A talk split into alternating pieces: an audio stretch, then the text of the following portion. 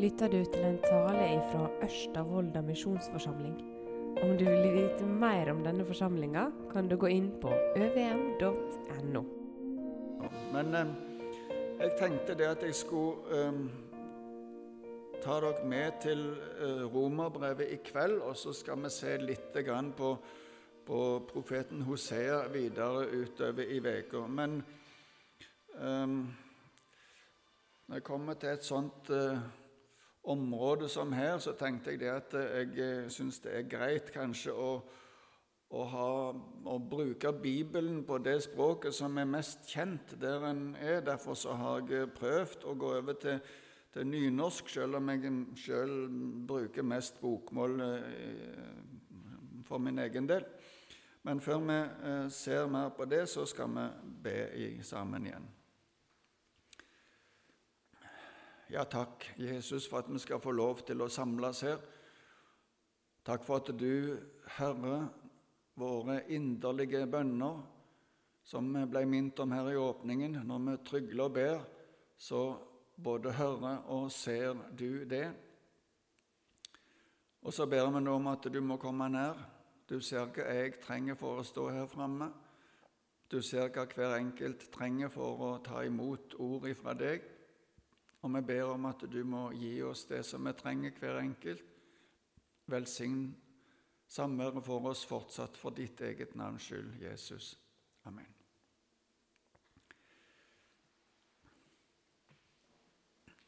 Ja, det, du, det er ikke, du er ikke på? Ja. Vi skal prøve å se på Romerbrevet kapittel 10 i, i kveld. Uh, Iallfall mesteparten av det kapittelet. Og jeg har sett som overskrift 'Guds rettferd'. Og Da skal vi først lese de første fire versene. Brør, mitt hjertens ønske og mi bønn til Gud for dei er at de må verta frelste. For det vitnemålet må jeg gi deg at de har ihuge for Gud, men ikke med skjønnsemd. Da de ikke kjente Guds rettferd, men søkte å grunne sin egen rettferd, ga de seg ikke inn under Guds rettferd, for Kristus er endemålet for lova, til rettferd for hver den som tror. Guds rettferd. Det står jo da der i, i um, midten av vers 3 der. Um, hva er Guds rettferd? Men uh, før vi ser på det, så skal vi se litt på, på det første verset. her. Brør.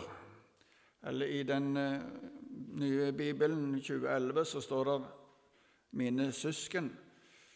Det er kanskje litt mer dekkende uttrykk. Det er klart at um, um, dammen er med i denne, den, henvendelsen her, som Paulus prøver å si til den kristne menighet. Der er det ikke bare uh, mennene som er med, men òg uh, damene som skal være med på det. På spansk, som vi bruker i Sør-Amerika, der uh, sier de 'hermanos', som uh, betyr brødre, men det betyr i en, sam, en, en samling av både, både, menn og damer, så betyr det søsken. Og Den samme forståelsen er det jo egentlig på gresk. at det, Hvis det er en blanda forsamling, så bruker de ordet 'brødre'. Eh, for å, De har ikke noe sånn eh, annet ord som heter søsken, som ikke er bror eller søster, fordi det er bror og søster. og det, Da er det Derfor blir det sånn brør, eller mine søsken. Mitt hjertens ønske og min bønn til Gud for deg er at de må verte frelste. Og Da kan vi spørre hvem er disse deg her? Eh, disse kapitlene i, i Romerbrevet fra kapittel 9 og utover så, så taler Paulus om jødene, om sitt eget folk, jødene. Jødene var jo Guds folk. Guds folk, og så ber Paulus om at de må bli frelst. Hvordan henger det sammen at de må bli frelst? For de var jo Guds folk. Vi ser jo det mange plasser i, evangeliet nå, at, at Jesus han eh, irettesetter fariseerne, de som var de religiøse lederne, for de forsto ikke egentlig hva Guds vilje var, og at han som var Guds sønn, at han, det, var, det var liksom det det gikk ut på. De hadde ikke forstått det. Og, og sånn er det jo fremdeles når Paulus ber for, for jødene, så er det jo fremdeles det at de har egentlig ikke forstått evangeliet, selv om de kaller seg for Guds folk og tror det er de som har Guds folk og, har Guds ord, så, så har de ikke helt forstått hva dette handler om. Og Da skal jeg ta med litt litt til, til Sør-Amerika, for der kan vi òg se det sånn at ja, Til forskjell på fra Norge Hvis du går rundt og spør i Sør-Amerika om folk er kristne Ja, selvfølgelig er vi kristne.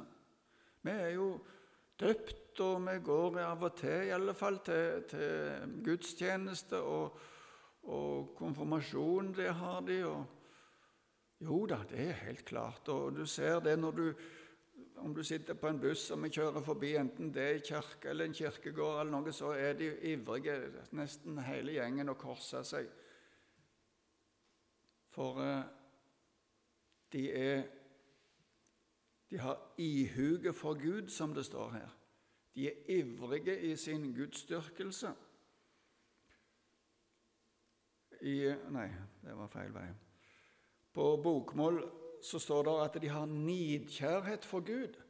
Og i den nye oversettelsen på uh, 2011-oversettelsen så står det at de brenner for Guds sak, men uten virkelig å kjenne Han. Og det er det som er litt av problemstillingene når vi er i Sør-Amerika òg og skal prøve å vitne om evangeliet, så tror de at de kjenner det. De tror at de vet hva kristendom er. Og det er jo egentlig vi som skal si, protestantiske kristne som har feil. Fordi at Luther han er jo den store skal vi si, eh, store kjeltringen som, som ødela for moderkirken eh, i sin tid. Fordi at var jo, De var jo ett før det, trodde de da. Det er jo mange eh, spenninger i kirka før Luther òg, men, men, eh, det er jo det sånn det blir sagt at det var Luther som ødela den felles forståelsen. De har en iver, en, en ihuga for Gud, men de, mang, de mangler den rette forståelsen av det. Hva er det de tenker i Sør-Amerika, da? For å bare ta litt det Ja, For det første så tenker de det at de, de skal leve så godt som mulig og prøve å, å, å gjøre opp for ting som, er, som, de gjør galt. Det skal de rydde opp i, og det er jo flott. Det må vi òg eh, kanskje i større grad være flinke til. å, å rette opp i, i, i, ting som vi gjør feil. Når vi har sagt noe galt eller gjort noe galt, så skal vi prøve å, å få det ordna. Men så kan de kanskje gå til, til presten og, og i skriftemål bekjenne sine synder, og så får de en botsøvelse, så får de en balanse da, i regnskapet sitt. Så da tenker de at da går det liksom sånn opp i opp, litt sånn eh, ja, det ene blir eh, veie opp eh, De gode gjerningene kan veie opp de dårlige, og så, så blir det balanse.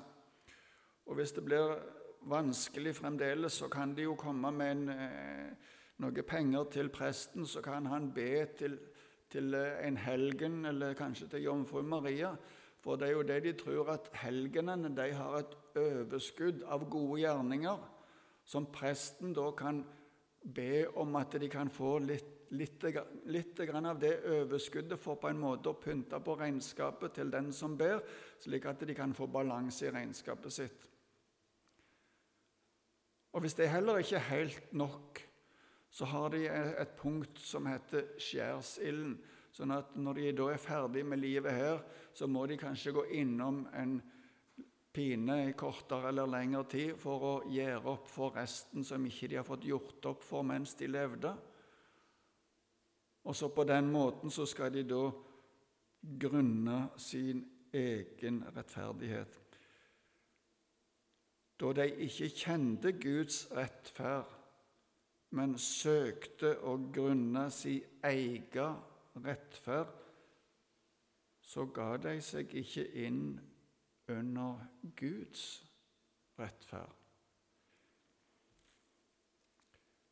Bare ta det verset òg sånn som det står i, i Bibelen 2011. De kjenner ikke Guds rettferd, men prøver å bygge sin egen rettferd. Derfor har de ikke bøyd seg inn under rettferda ifra Gud. De har ikke bøyd seg inn under rettferda fra Gud. Hva er da denne rettferda?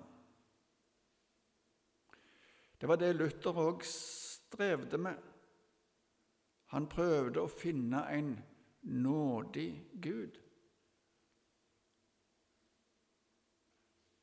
Og strevde med all slags forskjellige botsøvelser og gode gjerninger og, og gå på sine knær opp trappene i, i Roma for å på en måte føle det at dette her skulle ordnes opp i.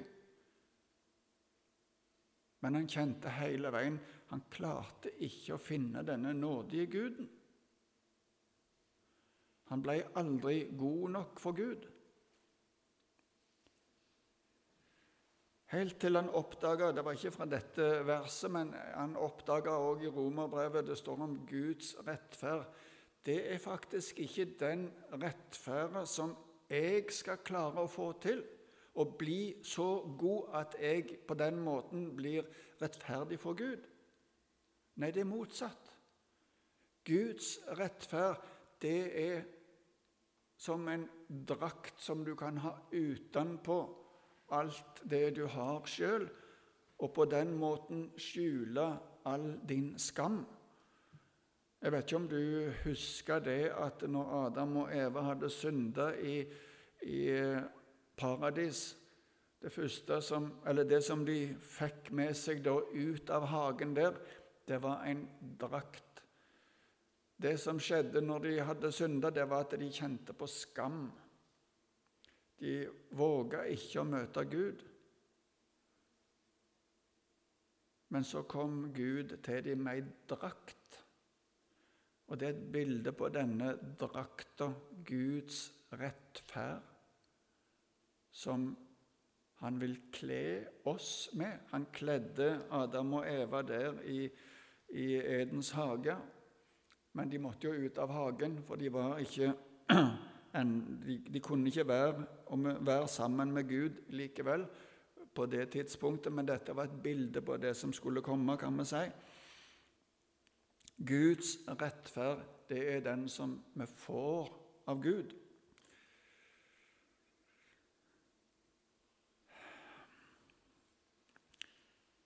For Kristus er lovens Eller er endemålet for lova. Endemålet for lova til rettferd for hver, hver den som tror.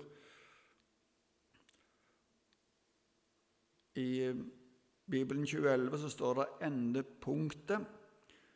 I eh, Bibelen 2011 på bokmål så står det 'ende og mål'. Av og til når det er et sånn ord som jeg tygger litt på, så prøver jeg å slå opp i forskjellige bibler, og, og da gir det litt mer bilde. Kristus, han er målet for loven det er at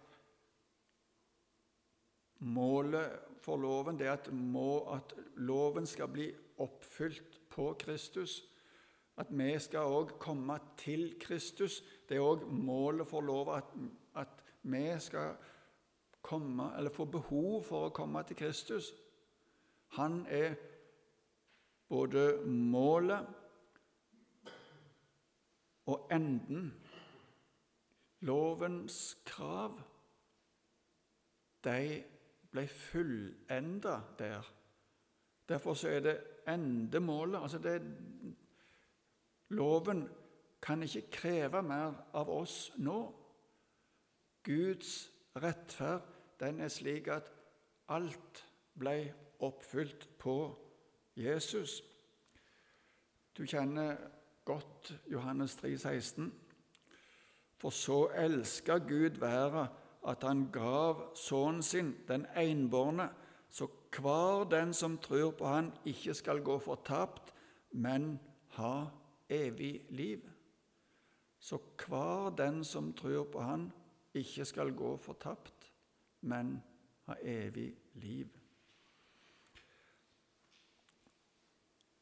Hvis vi går to vers lenger ned i teksten, der i Johannes evangeliet, så står det at den som tror på Han, blir ikke dømt. Den som ikke tror, er alt dømt av de han ikke har trudd på navnet åt Guds enbårne sønn. Det var en, en kar eh, Ja, vi var i eh, første perioden så var vi skulle bygge opp et arbeid opp, langt opp på høgfjellet i Peru, 4200 meter over havet, en plass heter Crucero.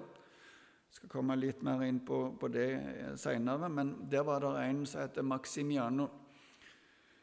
Ehm, det var en, eh, Dette var jo noen år seinere enn vi var der. det var To-tre år seinere var en som gikk for å snakke med han om han ikke kunne komme på møte. og sånn, og Så har han fortalt etterpå til meg da, at det, eh, han syntes det, det, det, var, vanskelig fordi at eh, han tenkte jo på Jesus som at Jesus kom for å dømme.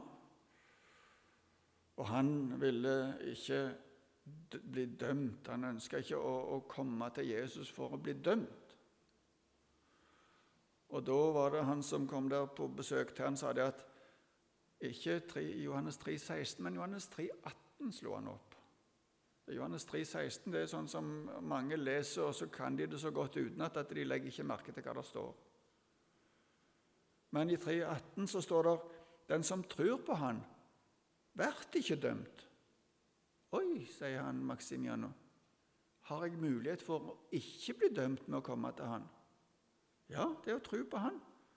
Den som ikke tror, er alt dømt. Men den som tror, blir ikke dømt.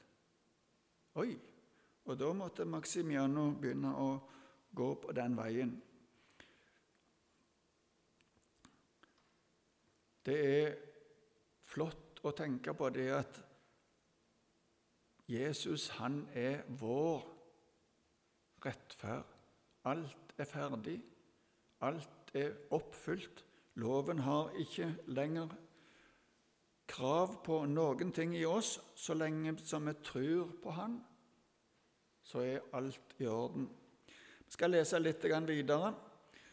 Moses skrev om rettferda av lova det mennesket som gjør disse ting, skal leve ved deg.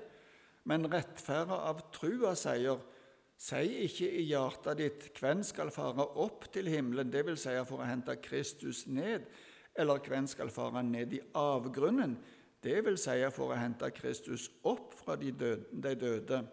Men hva sier hun? Ordet er deg nær, i munnen din og i hjertet ditt. Det er trusordet det som vi forkynner.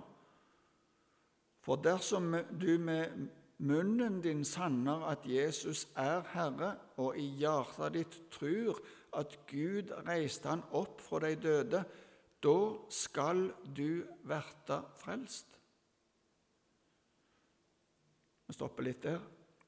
De andre versene skal jeg ikke si noe mer om.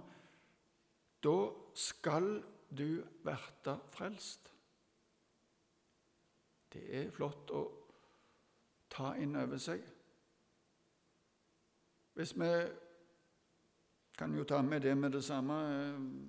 Der som Marianne og Lidvar Espeseth er, det er i Indonesia. Der er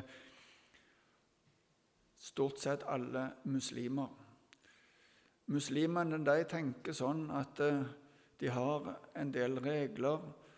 De skal be så og så mange ganger, og de skal Ja, vi trenger ikke å gå inn på det nå. Det er forskjellige ting de skal gjøre. Og så kan de håpe på at Gud vil se i nåde til dem. Håpe på at de kanskje kan komme til paradis. Men de har ingen garanti. Det er hvis Gud vil. Hvis Gud vil. Det er ingen sånn sikkerhet, men her står det Dersom du tror dette, da skal du bli frelst. Det er ingen tvil.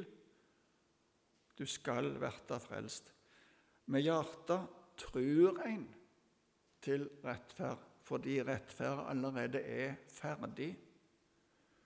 Og med munnen sanner en til frelse.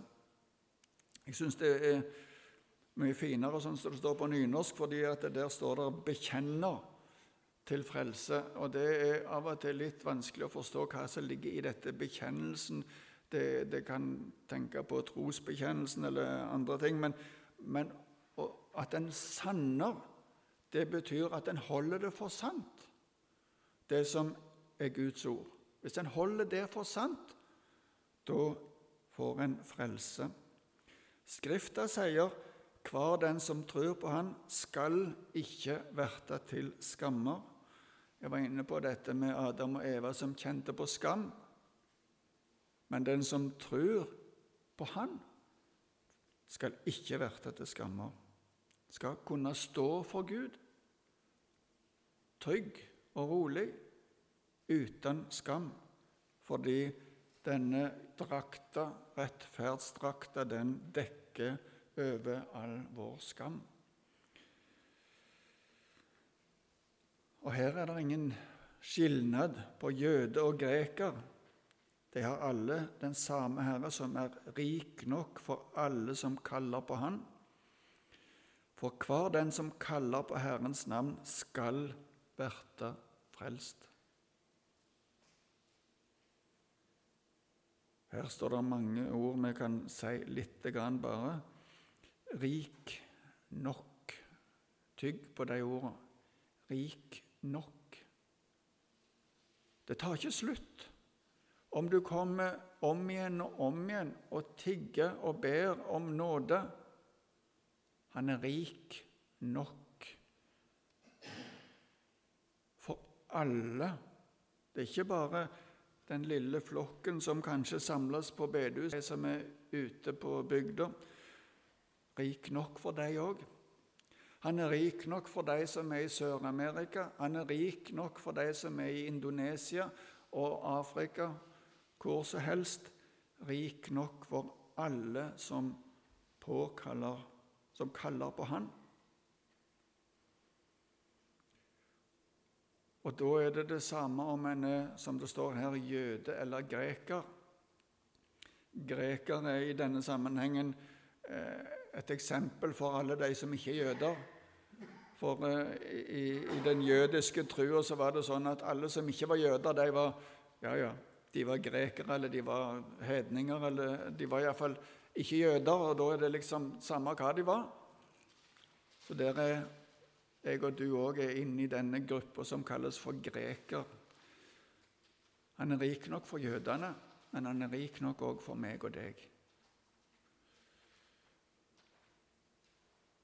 Hver den som kaller på Herrens navn, skal verte frelst. Så skal vi ta en liten tur igjen til eh, Crucero. Ehm, det var en av de første oppgaven jeg fikk eh, rett etter språkskolen, så, skulle, så mm, fikk jeg denne oppgaven å starte det arbeidet oppe i denne landsbyen. Vi hadde en avtale med, med, den peruanske staten om å starte med et helsearbeid der. Vi hadde leger og sykepleiere som, som var klar til å komme dit. Vi hadde fått en avtale med Helseministeriet, og det var de som pekte ut en plass der det var behov for helsearbeid. Og, og det lå i, i eh, kortet at vi skulle drive eh, menighetsbyggende arbeid sammen med det helsearbeidet. Um, men i, i, i, første fase så, så, var den oppgaven som jeg fikk, det var å, å bygge opp noen boliger for, eh, for, oss som skulle reise opp der. For eh, ja, i den høyden så er det ganske tøft klima, for å bare si det enkelt. Uh, det er kalde netter og brukbare temperatur om dagen, kanskje, men eh, når det kan svinge 30-40 grader mellom dag og natt, så er det ikke veldig godt å bo der i, i hva som helst. Det må ha gode hus. Og vi hadde fått eh, en, et prosjekt fra Norad der vi kunne bygge noen hus eh, til, til lege og sykepleier. og da bygde vi samtidig et hus til, til en misjonærfamilie og et, eh, et, eh, hus for eh, skal vi si, møtesal og kontor og, og sånne ting. Så det, jeg hadde fått i ansvar å bygge da fire hus der samtidig, så jeg måtte jo ha noen folk som kunne være med meg og bygge det. Eh, materialet som vi brukte på, der på Høgfjellet, det, det var det var 200 km fra nærmeste by som, eh, som, du kunne få både verktøy og, og, utstyr. Så var, vi måtte prøve å gjøre mest mulig på plassen. Og da bygde vi med jordblokker som de hadde der, jordhus. Vi måtte jo ja, Jord isolere egentlig ganske godt, så vi lagde tjukke vegger og, fikk, eh, fikk, eh, og ikke, ikke for store rom, slik at det det skulle være litt lettere å varme opp. Så det var noe sånn. Men jeg måtte jo ha folk som kunne være med meg og, bygge dette her. Jeg er ikke bygningsmann, så jeg måtte jo finne ut av ganske mange ting sånn på veien. da. Men eh, da gikk jeg ned på rådhuset og snakket med ordføreren der. Han sendte meg videre til sekretæren sin, som heter Claudio.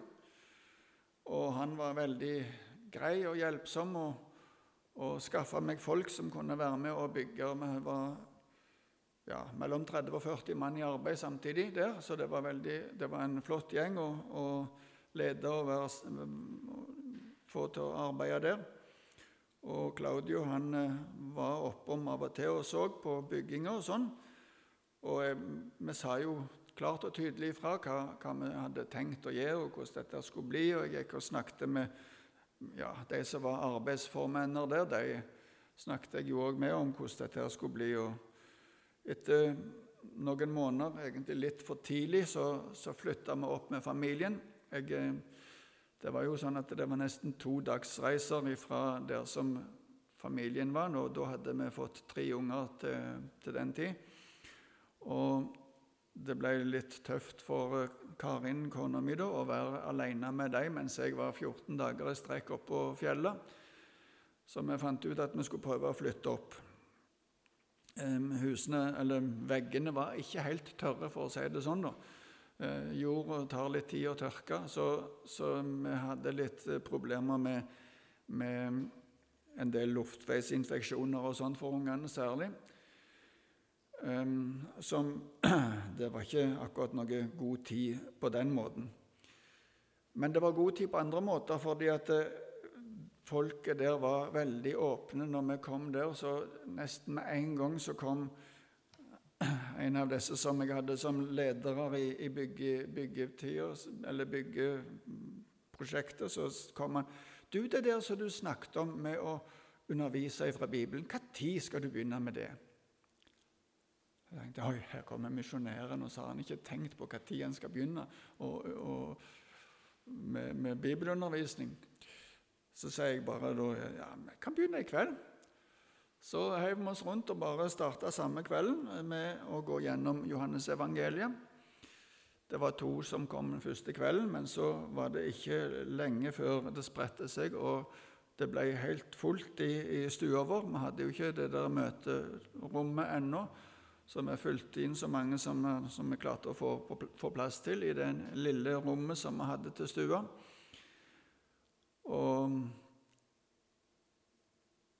ingen kunne noen ting verken fra Bibelen eller sanger eller noen ting fra før. Men eh, vi prøvde jo å få dette her til å gå rundt. og snakket med dem, og de var så spørrende. Det var så flott å møte dem. Og når jeg var ferdig med det som jeg hadde tenkt å gå gjennom, så sa jeg at nå er møtet slutt.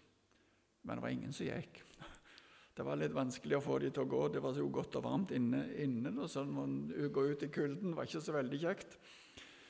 Ehm, men etter hvert så ble det ganske mange som, som kom på, på, møtene. Og gikk litt tid til, så fikk vi innreda det rommet som vi skulle ha til møtesal, og vi kunne komme opp i 30 og opp i 40 stykk på møtene der av og til. Og Det var jo mest arbeiderne og litt eh, ektefeller av dem og noen andre nysgjerrige. Men Claudio, han kom ikke. Han så jeg ikke igjen. Så gikk det ei stund. Så, så det, Som jeg sa, så hadde vi jo problemer med, med med klimaet der, så vi måtte reise ned til lavlandet, som, som de sier, når vi kom ned til 2500 meter. Eh, for eh, klimaet var mye bedre der, da, for å unngå disse luftveisinfeksjonene. Da. Særlig han som var minst av de tre som vi hadde da, han eh, sleit veldig mye da, så vi måtte komme oss av gårde litt fort. Og etter, Da var det ikke noen som tok over med en gang, men eh, etter litt eh, en stund så, så, var det en som klarte å ta opp igjen dette arbeidet og få, få gang på det. Og de fikk ganske bra eh, ja, flokk der etter hvert. Og etter et par år så kom det ned ei musikkgruppe, kan vi si, fra Crucero ned til Arequipa. og, og ja, De spilte jo mye på mandolin og gitar og litt fløyter og sånn, som de hadde der, og sang i, på et møte da. Og der så jeg Claudio. Han var med i den gruppa som kom ned fra Cruzedo.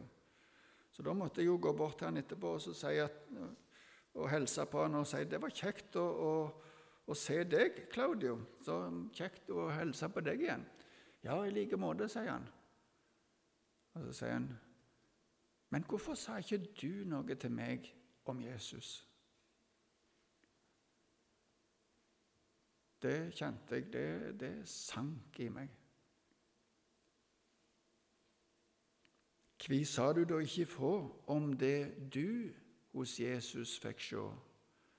Hvor kan de vel komme til trua om ingen vil seie ifra? Og hjertet ditt burde da fortere slå ved Golgata, kjærleikens brann.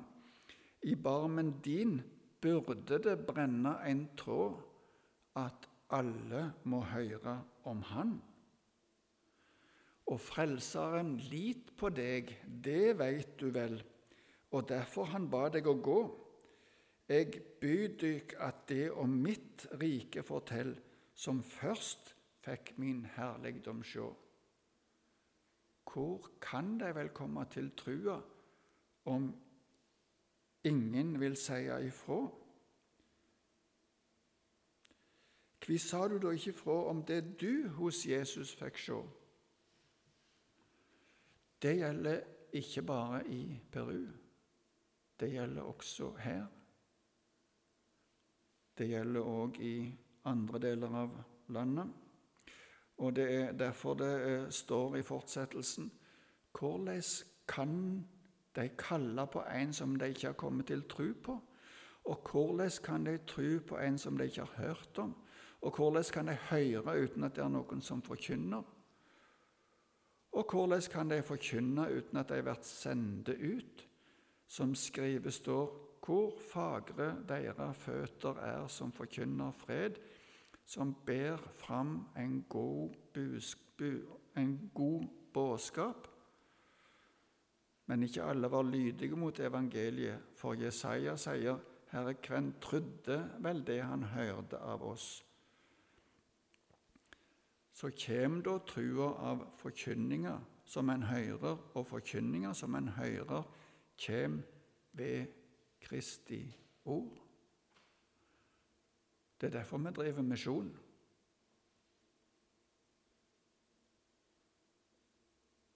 Jeg tror, for å gå tilbake til begynnelsen, det er ganske mange som òg i Norge prøver å få en balanse.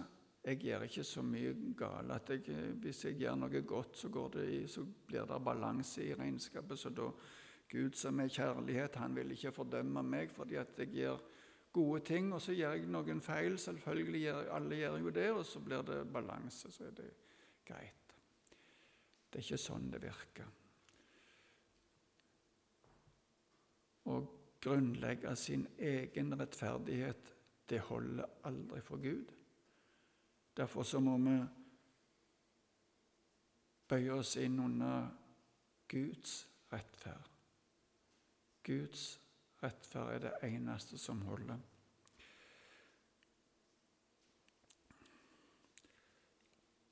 Gud søker alle. Der vi står et vers til, så vi skal hoppe et par vers, så skal vi ta vers 20 i Romerne. Jesaja drista seg til å si, 'Jeg ble funnet av de som ikke søkte meg', 'og jeg åpenbærer meg for de som ikke spurte etter meg'. Og Da vil jeg fortelle om en som jeg trefte i forbindelse med radioarbeidet. og det er jeg eh, skal si litt om det radioarbeidet nå. Eh, når jeg kom inn i dette, så var det det som heter Nytt Liv Medier i Stavanger, som etter hvert har utvikla seg. Og, og, jeg vet ikke eh, hvor mange av dere er det som har hørt uttrykket eller ordet Petro. Det er noen som kjenner til Petro. Det er en det, med utgangspunkt i, i, radioen i Stavanger, radioen i Bergen, som heter Gnisten, og Gimra, Gimlekollen radio i Kristiansand, så fusjonerte vi i 2000 og ja, eh, Prosessen ble gjort i 2017, så fra 1.1.2018 så starta vi denne nye radioen. Fikk med oss eh, hovedkontoret på, til NLM, til Misjonssambandet, og i, i, i, denne eh, skal vi si, ledelsen, eller på, i styret for, for, eh, denne nye radioen, for med tanke på å nå lenger ut, så fikk vi denne radioen som da heter Petro. Og nå, de siste lyttertallene som jeg fikk faktisk i går, eh, de sier at det er over 70 17 000 som hører på Petro hver dag. Det er en ganske stor forsamling. Og hvis du spør om hvor mange som har hørt på Petro siste måneden, så er det over 70 000. Og det er en kjempeflott talerstol. Og der er det òg ganske mange som aldri går på møte noen plass. Eh, vi har ikke kommet til, til Sunnmøre, for her har vi jo to andre radioer som, som jeg ikke har lyst til å konkurrere med. Så det er Radio eh, Nordvest og Radio Sunnmøre. De får eh, styre her så lenge de vil det. Men jeg vet at de òg av og til, iallfall i Radio Nordvest, har de henta stoff fra Petro. Så, så det, det, er mulig at de som hører på Radio Nordvest, Radio Nordvest eh, har hørt noe i både min stemme og andre sine stemmer fra Petro. Um, særlig Hjalmar han henta ganske mye fra oss da. Hjalmar Sætre i, i, i, den eh, ja, tidligere. Men eh, en av de som jeg, jeg hadde jo noen møter for, for radioen i, i Rogaland da. Og så møtte jeg en mann der på et møte. Det var det var på ei øy, så jeg måtte ta ei ferje. Derfor så fikk jeg ikke snakket så veldig lenge med han her karen. Eh, jeg skulle gjerne snakket enda mer med han, men han sa det at eh, han hadde et yrke som Jeg vet ikke hva han var da, om han var tømmermann eller, eller gravemaskinsfører eller et eller annet, men han, han, hadde et yrke så han gikk med øreklokker. Og da hadde han jo alltid musikk på, på ørene når han var ute og jobba med, med, det han holdt på med. Men så var det en dag, sa han, han, han fikk ikke inn det som han pleide å høre på. Det var helt umulig. Han stilte og prøvde å snu på den her, men det kom ikke inn. Det eneste som kom inn, var den her kristne radioen som han ikke brydde seg noe om. Men eh, ja, ja, det var noe musikk der òg, så han fikk, fikk, det på ørene sine. Så satt, hørte han litt på den musikken. Det var ikke akkurat den musikken han pleide å høre på, men det var noe greit nok. Det var musikk og sånn. Og så Etterpå så begynte de å snakke noe om tilgivelse. Og da stakk det han i hjertet, sa han. Der var det et eller annet som han mangla, så han måtte rett og slett gå og snakke med noen fra bedehuset. Han hadde gått på bedehuset på et guttelag i noen år når han var gutt, guttunge, sju, åtte, ni år. Men han hadde ikke vært på bedehus etter det. Han søkte ikke verken kristen forkynnelse eller kristen musikk for den saks skyld. Men han ble funnet uten at han søkte. Det traff han. Han begynte å gå på bedehus etter det.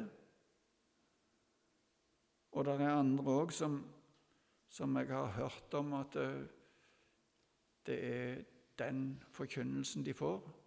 De går aldri i kirke eller bedehus, men de får forkynnelse gjennom radioen. Det er jo andre radioer òg som, som, forkynner, så det var ikke det. Vi er ikke de eneste, men vi er faktisk den største kristne radioen i Norge nå. Eh, men det er et veldig viktig arbeid. Så er det òg eh, andre måter, det kan jeg komme inn på en annen kveld. Sånn som i, i eh, Indonesia, f.eks. Der er det veldig vanskelig å forkynne.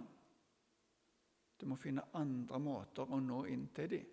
Men det er òg noen i den muslimske verden som, som blir funnet uten at de egentlig søker. Guds rettferdighet er spesiell. Da er det, for å poengtere det, Guds rettferd er noe helt annet enn vår egen, det som vi klarer å få til sjøl. Guds rettferd er en gave som blir tilrekna oss. Og det er bare Jesus.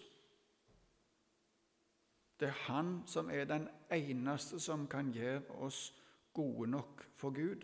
Han er den rettferd som Gud har ordna med. Takk, Jesus, for at vi skal få lov å tro det. I deg så har vi alt det som vi trenger for å nå fram til paradis når det blir på nytt. Komme hjem til deg, være sammen med deg alltid. Så ser du òg her i Volda om det er noen som trenger å møte deg. Jeg ber Jesus om at du må finne en måte å nå dem på. Du ser hvem, hvem som eh, søker deg. Og Jesus, om kanskje vi som er her, kunne nå noen med ord om deg. Du ser problemet som er i Sør-Amerika, med at de tror de har den rette gudsdyrkelsen uten at de egentlig forstår hva evangeliet handler om. Du ser de i mange andre land som uh, føler det at uh, kristendom det er feil. De har helt andre religioner, helt andre måter å tro på Gud. La de få se at er, du er den eneste veien, Jesus. Vi ber for de som er dine vitner rundt omkring, at ditt ord kan nå inn til stadig flere. Velsign fortsatt møtene for oss her. Det ber vi om Jesus for ditt eget navns skyld.